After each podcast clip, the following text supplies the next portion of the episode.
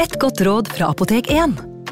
Nå er snart pollensesongen i gang, og et godt råd til deg som sliter med pollenallergi, er å begynne behandlingen i god tid før allergisesongen starter. Da får du nemlig enda bedre effekt av legemidlene, og så blir ikke våren din helt ødelagt.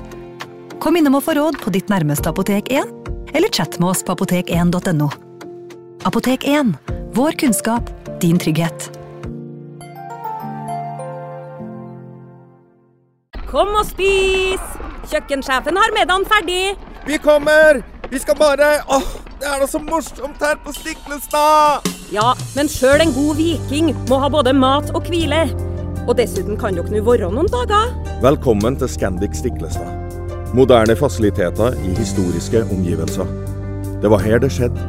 Det er her det skjer.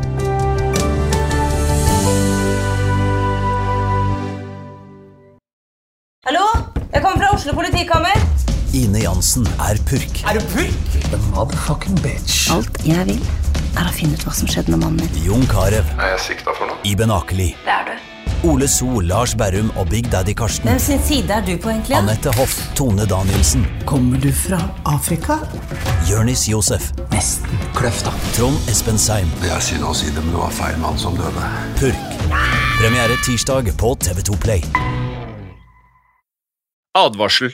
Historien du nå skal få høre, er basert på virkelige hendelser og inneholder flere grafiske skildringer av vold, drap og tortur. Vi advarer mot sterke inntrykk i deler av episoden.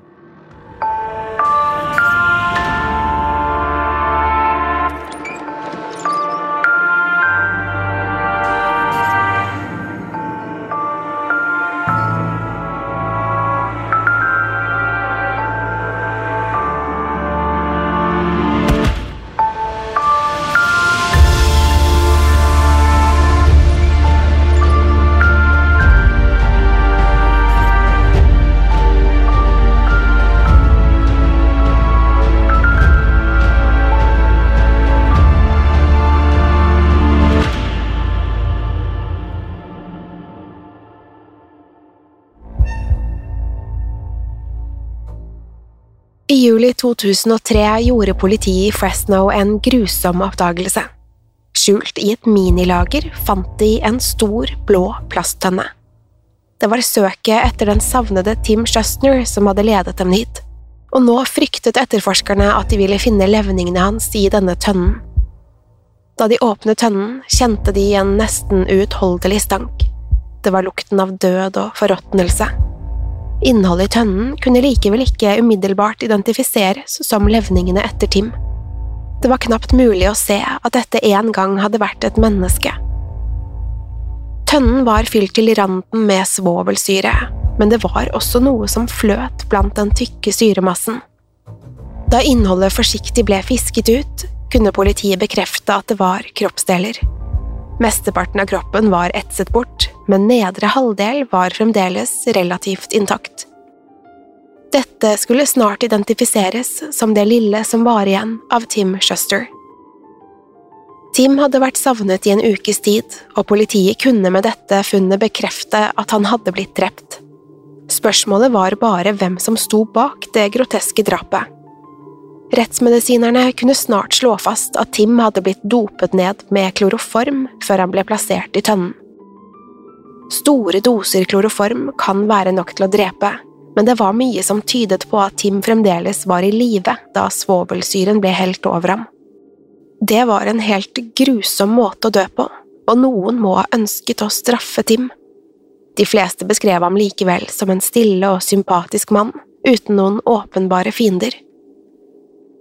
Tim hadde riktignok vært gjennom en skilsmisse som hadde ledet til store konflikter med hans ekskone Larissa.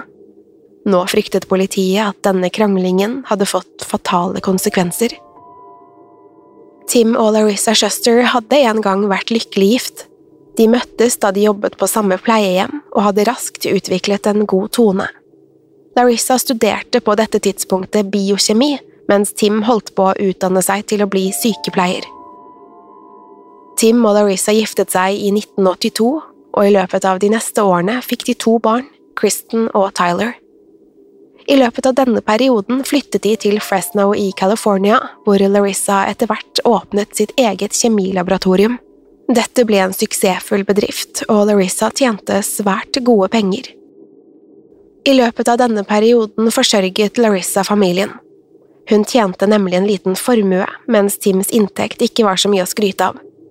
Tim så riktignok ikke ut til å bry seg om dette. Han var nemlig tilfreds med å ta seg av den lille familien. Larissas bedrift fortsatte å vokse, og de flyttet etter hvert inn i et nytt, fasjonabel hjem i Clovis.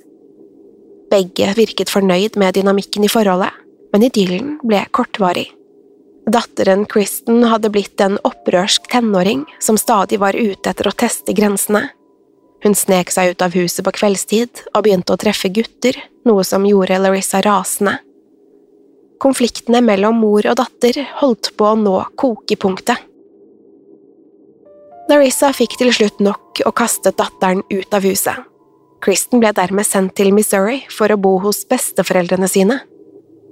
Tim var svært misfornøyd med hvordan Larissa hadde håndtert situasjonen, og for første gang i løpet av deres 21 år lange ekteskap sa Tim hva han egentlig mente.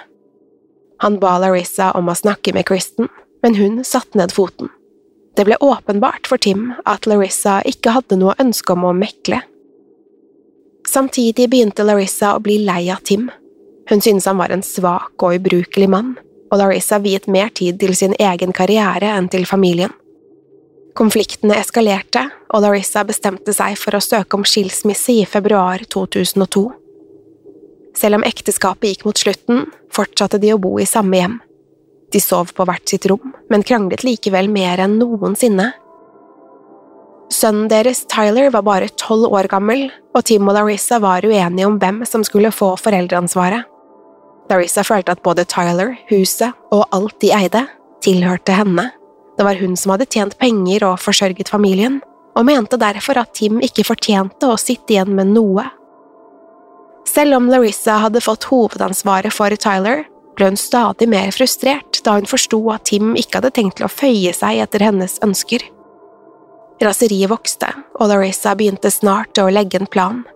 Hun ville nemlig forsikre seg om at hun fikk viljen sin, og hvis Tim ikke ville flytte, måtte hun bruke mer ekstreme virkemidler.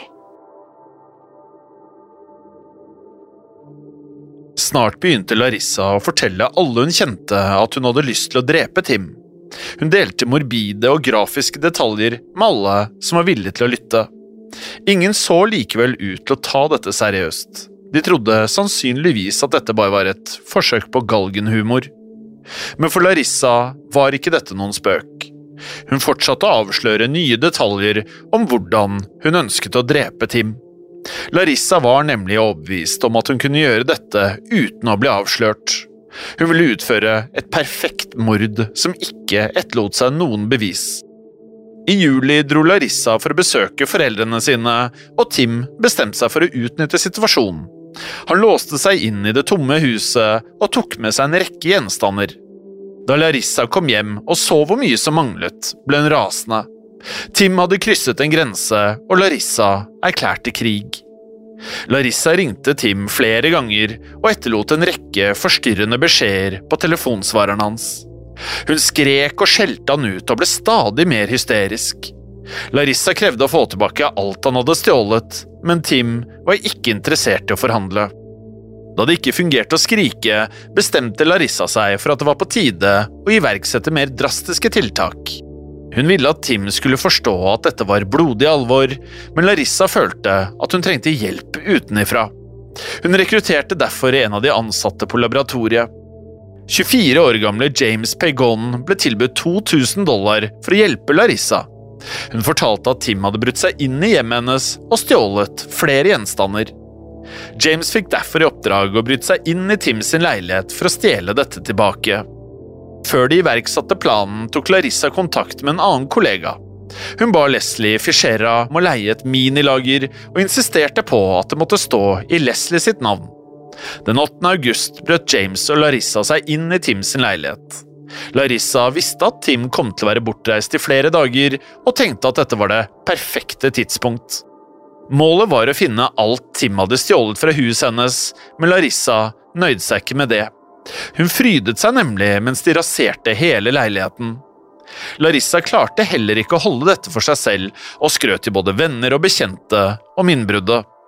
Hun var særlig stolt av hvordan hun hadde endevendt leiligheten. Larissa dro tilbake flere ganger bare for å nyte synet av ødeleggelsene. Hun beskrev denne følelsen som bedre enn sex. Da Tim kom hjem fra turen, skjønte han umiddelbart at det var Larissa som sto bak.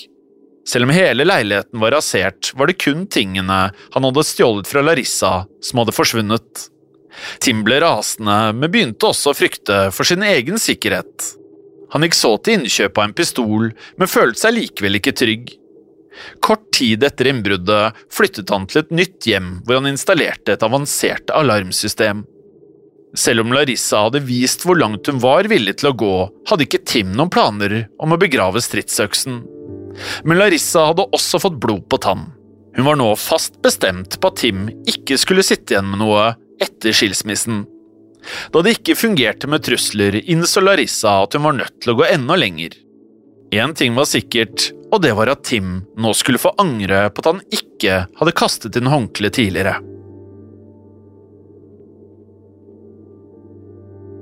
I april 2003 gikk Larissa til innkjøp av en stor, blå plasttønne.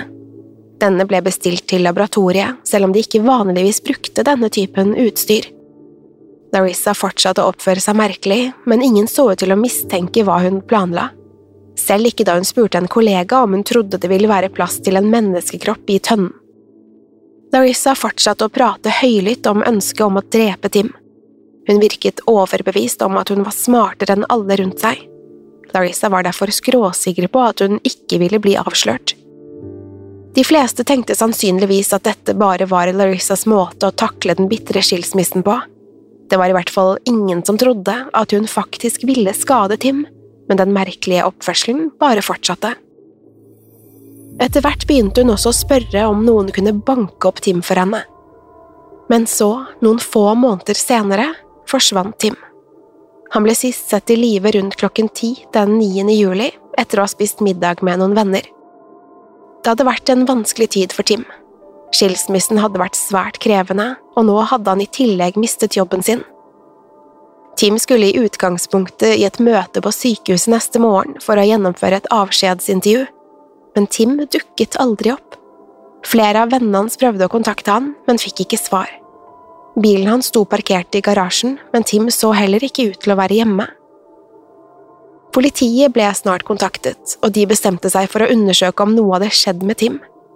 De fikk heller ikke tak i han, men de fant heller ingen tegn til at det hadde skjedd noe kriminelt. Tims venner ble likevel mer og mer bekymret. Mobiltelefonen hans ble snart funnet på nattbordet i leiligheten, noe som bare styrket mistanken. Det var nemlig helt ulikt Tim å bare forsvinne på denne måten, og han gikk aldri noe sted uten mobiltelefonen. Til tross for flere bekymringsmeldinger kunne ikke politiet melde han savnet før det hadde gått 24 timer. Samme morgen kom Larissa tilbake på jobb og klaget over smerter i skulderen. Hun mente riktignok at hun hadde pådratt seg denne skaden under en treningsøkt. I løpet av dagen la en av kollegaene merke til at den store, blå tønnen hadde forsvunnet. Senere ble det også funnet en åpnet flaske med kloroform på laboratoriet. Etter jobb dro Larissa til en skjønnhetssalong for å fikse neglene sine. Tim skulle etter planen hente sønnen den ettermiddagen, men han dukket aldri opp. Larissa virket likevel ikke særlig bekymret, og for en gangs skyld heller ikke spesielt irritert på eksmannen. Tim ble omsider meldt savnet, men selv ikke vennene hans fryktet at han hadde blitt utsatt for noe kriminelt. De var heller redde for at de mange utfordringene til slutt hadde blitt for mye å takle. Flere av dem hadde en ekkel følelse om at Tim hadde forsøkt å skade seg selv. Han hadde tross alt gått til innkjøp av en pistol kort tid i forveien. Etterforskerne ransaket Tims hjem, hvor de fant pistolen. Den så ikke ut til å være avfyrt, noe som dempet frykten for at han hadde tatt sitt eget liv. På telefonsvareren hans fant de en rekke meldinger fra Larissa. Etterforskerne ble sjokkert over den aggressive tonen hennes. Hun vekslet mellom å true og skjelle ut Tim, og avsluttet med å si at hun håpet at han kom til å brenne i helvete. Tims mobiltelefon avslørte også at Larissa hadde ringt han i løpet av natten han hadde forsvunnet. Politiet fryktet nå at noe hadde skjedd med Tim, og øverst på listen over mistenkte var Larissa.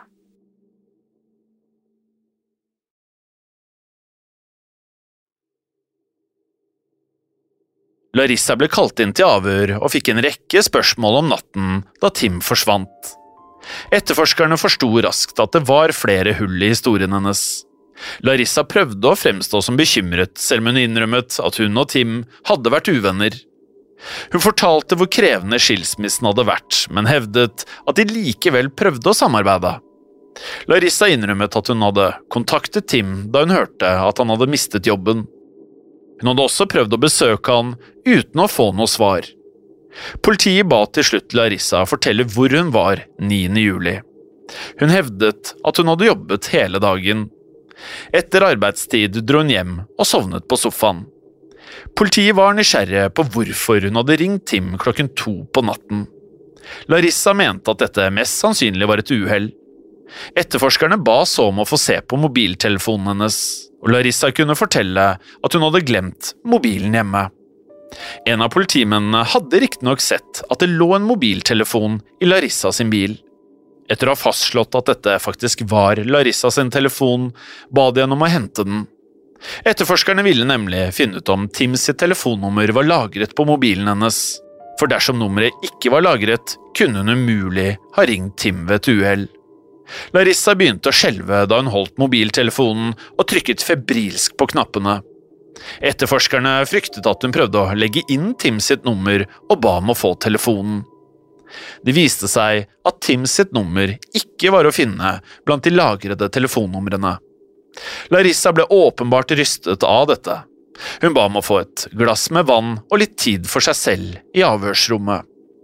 Politimennene gikk ut, men holdt selvfølgelig et øye med henne og på overvåkningskamera kunne de se at Larissa nok en gang prøvde å forandre noe på telefonen. Da politimennene kom tilbake, hadde Larissa en ny forklaring. Hun mente nå at hun ved en feiltagelse hadde lagt inn Tim sitt nummer under sønnen sitt navn. Larissa hevdet at hun ved et rent uhell hadde slettet nummeret rett før politiet kom inn. Larissa måtte til slutt innrømme at hun hadde løyet om telefonsamtalen men hun hevdet samtidig at alt annet hadde vært sant. Larissa virket likevel preget av stundens alvor. Hun begynte å få panikk og fryktet at politiet mistenkte at hun hadde skadet Tim. Larissa endret derfor forklaringen nok en gang, og hevdet nå at hun hadde jobbet til klokken to på natten kvelden som Tim forsvant. Larissa var på politiets radar, men fikk lov til å dra hjem etter avhøret.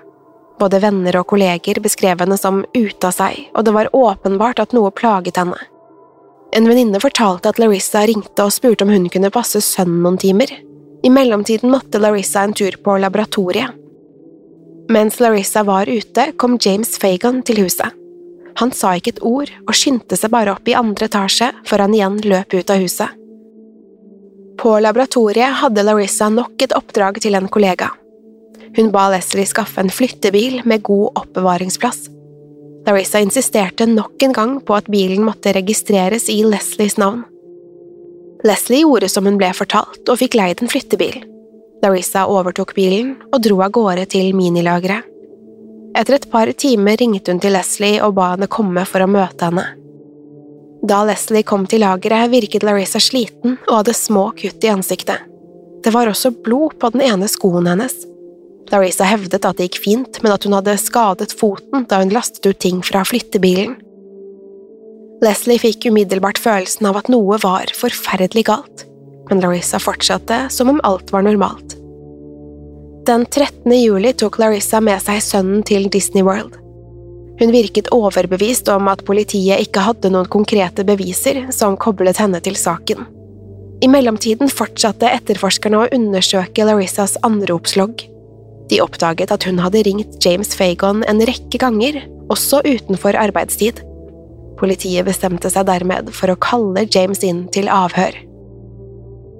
Etterforskerne gikk aggressivt til verks, og James bukket snart under for presset. Han innrømmet at han hadde hjulpet Larissa med å bryte seg inn i Tims leilighet. Dette hadde i første omgang handlet om å hente ut eiendelene som Tim hadde stjålet fra Larissa. Da dette var utført, antok James at det hele var over, men noen uker senere hadde Larissa ringt han igjen og nok en gang bedt om hjelp. Denne gangen ba hun James om å skaffe en elektrosjokkpistol og plaststrips. James antok derfor at Tim fremdeles nektet å returnere noen av Larissas eiendeler.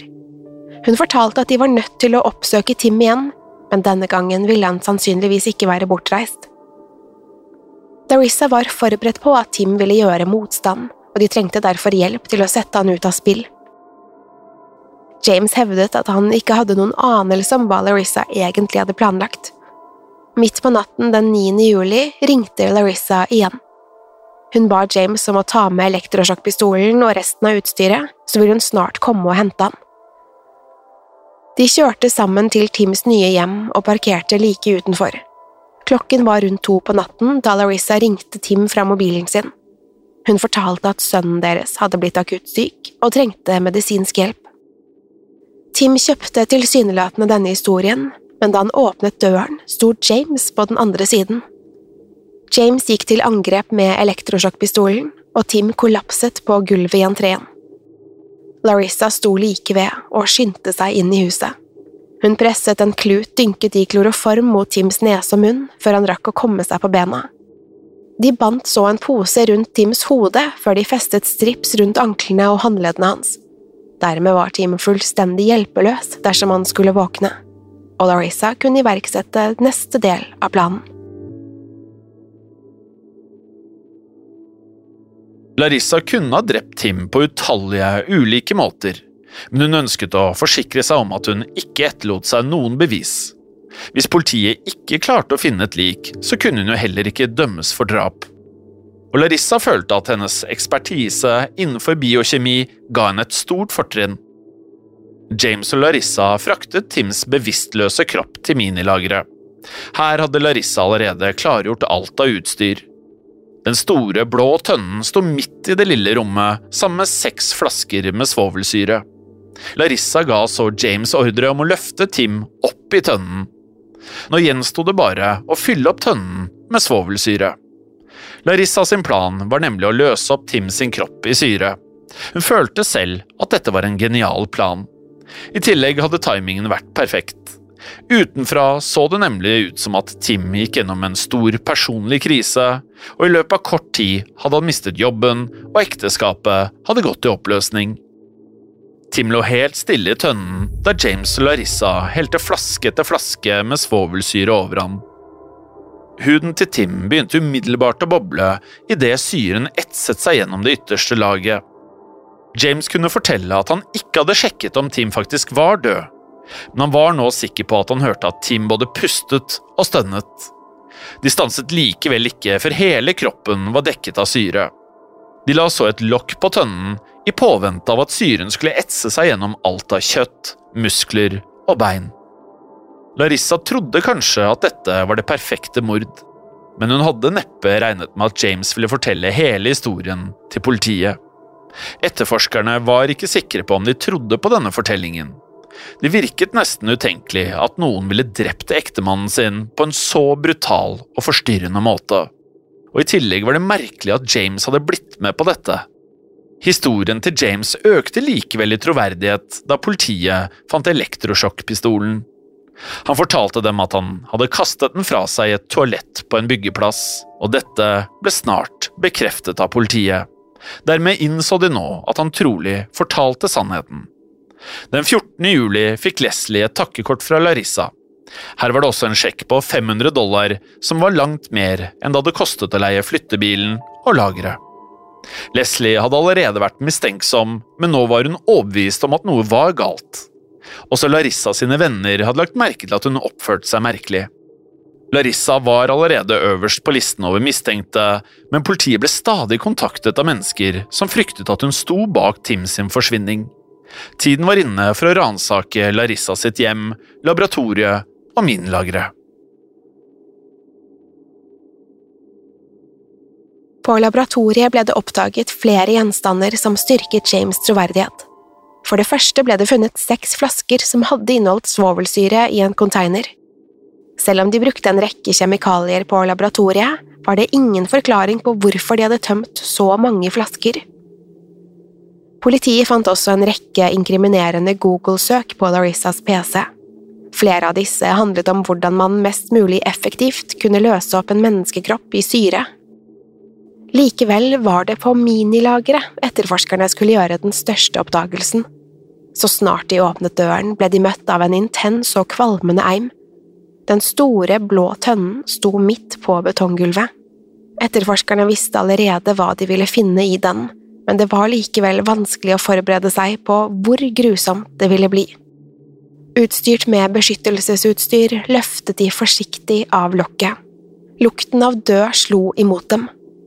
Men den kvalmende, søtlige lukten kunne likevel ikke sammenlignes med det groteske synet. Det var ingenting igjen av Tims overkropp. Hodet og armene hadde også blitt løst opp i syren, men bena var fremdeles intakte. De fløt fremdeles i den tykke, vemmelige smørjen.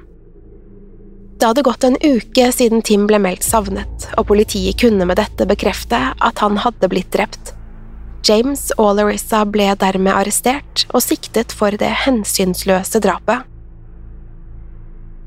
Rettssaken mot James Fagon begynte i november 2006, og han la selvfølgelig all skylden på Larissa. James mente at han hadde blitt manipulert, og at han ikke hadde forstått at planen var å drepe Tim før det var altfor sent.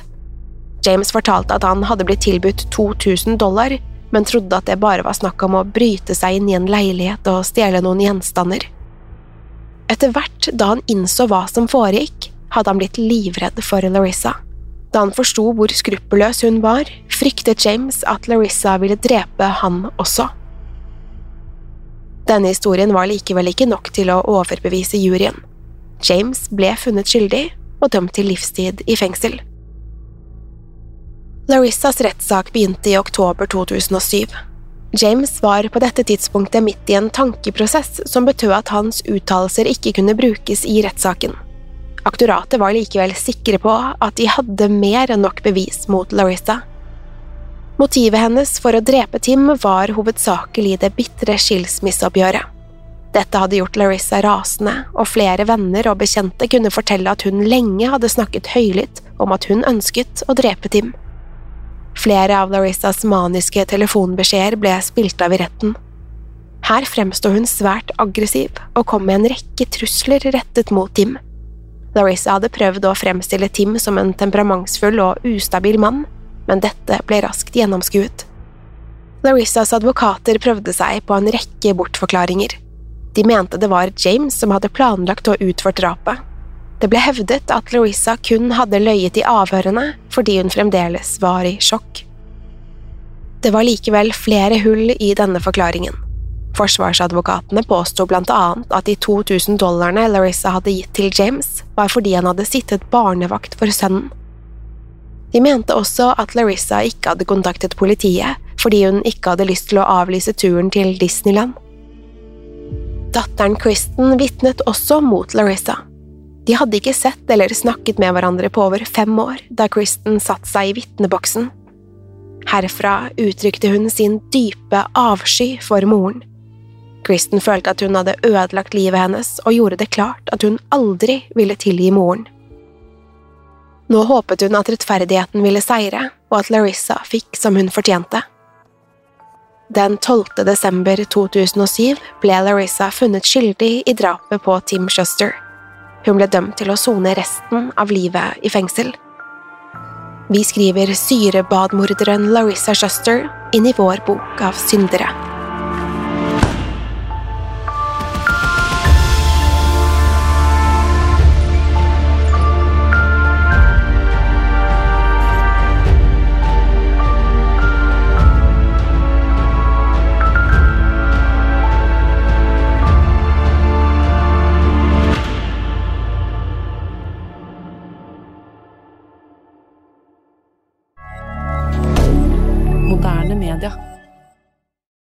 Har du et enkeltpersonforetak eller en liten bedrift? Da er du sikkert lei av å høre meg snakke om hvor enkelt det er med kvitteringer og bilag i fiken, så vi eh, gir oss her, vi.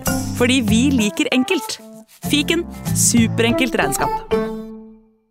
Kiwi er billigst i VGs matbørs og har vært billigst i fire av de fem siste VGs matbørser. Og nå presser vi prisene på frukt og grønnsaker. På 200 gram broccolini setter vi prisen til 24,90.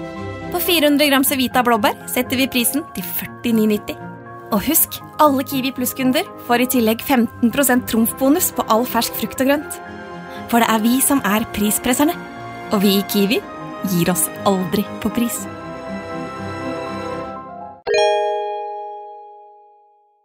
Hei, takk for at du lytter til Synderne. Skulle du ønske at du kunne høre en ny episode av denne podkasten hver eneste uke? Vel, da er det bare å laste ned podkastappen Untold med en gang. I tillegg til ukentlige episoder av podkaster som Skrekkpodden, True Crime-podden og Henrettelsespodden får du masse annet reklamefritt og eksklusivt innhold. Last ned Untold i AppStore eller Google Play, og start din 30 dagers prøveperiode i dag.